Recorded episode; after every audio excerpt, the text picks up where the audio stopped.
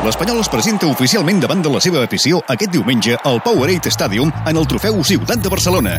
Els pericos comencen una temporada després de la marxa de quatre dels seus jugadors clau, però amb ganes de demostrar confiança als seus Estem seguidors. treballant molt el tema defensiu i, i s'està veient en els resultats i, bueno, i ja arribarà el, el moment en què, en què treballem l'ofensiu que jo crec que serà a partir d'ara i, i espero que es vegin també els resultats tal i com s'estan veient.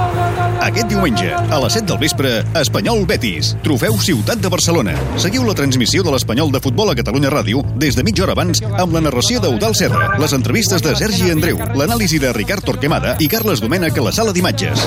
Futbol a Catalunya Ràdio és una exclusiva de La Caixa. La Caixa dona suport a l'esport.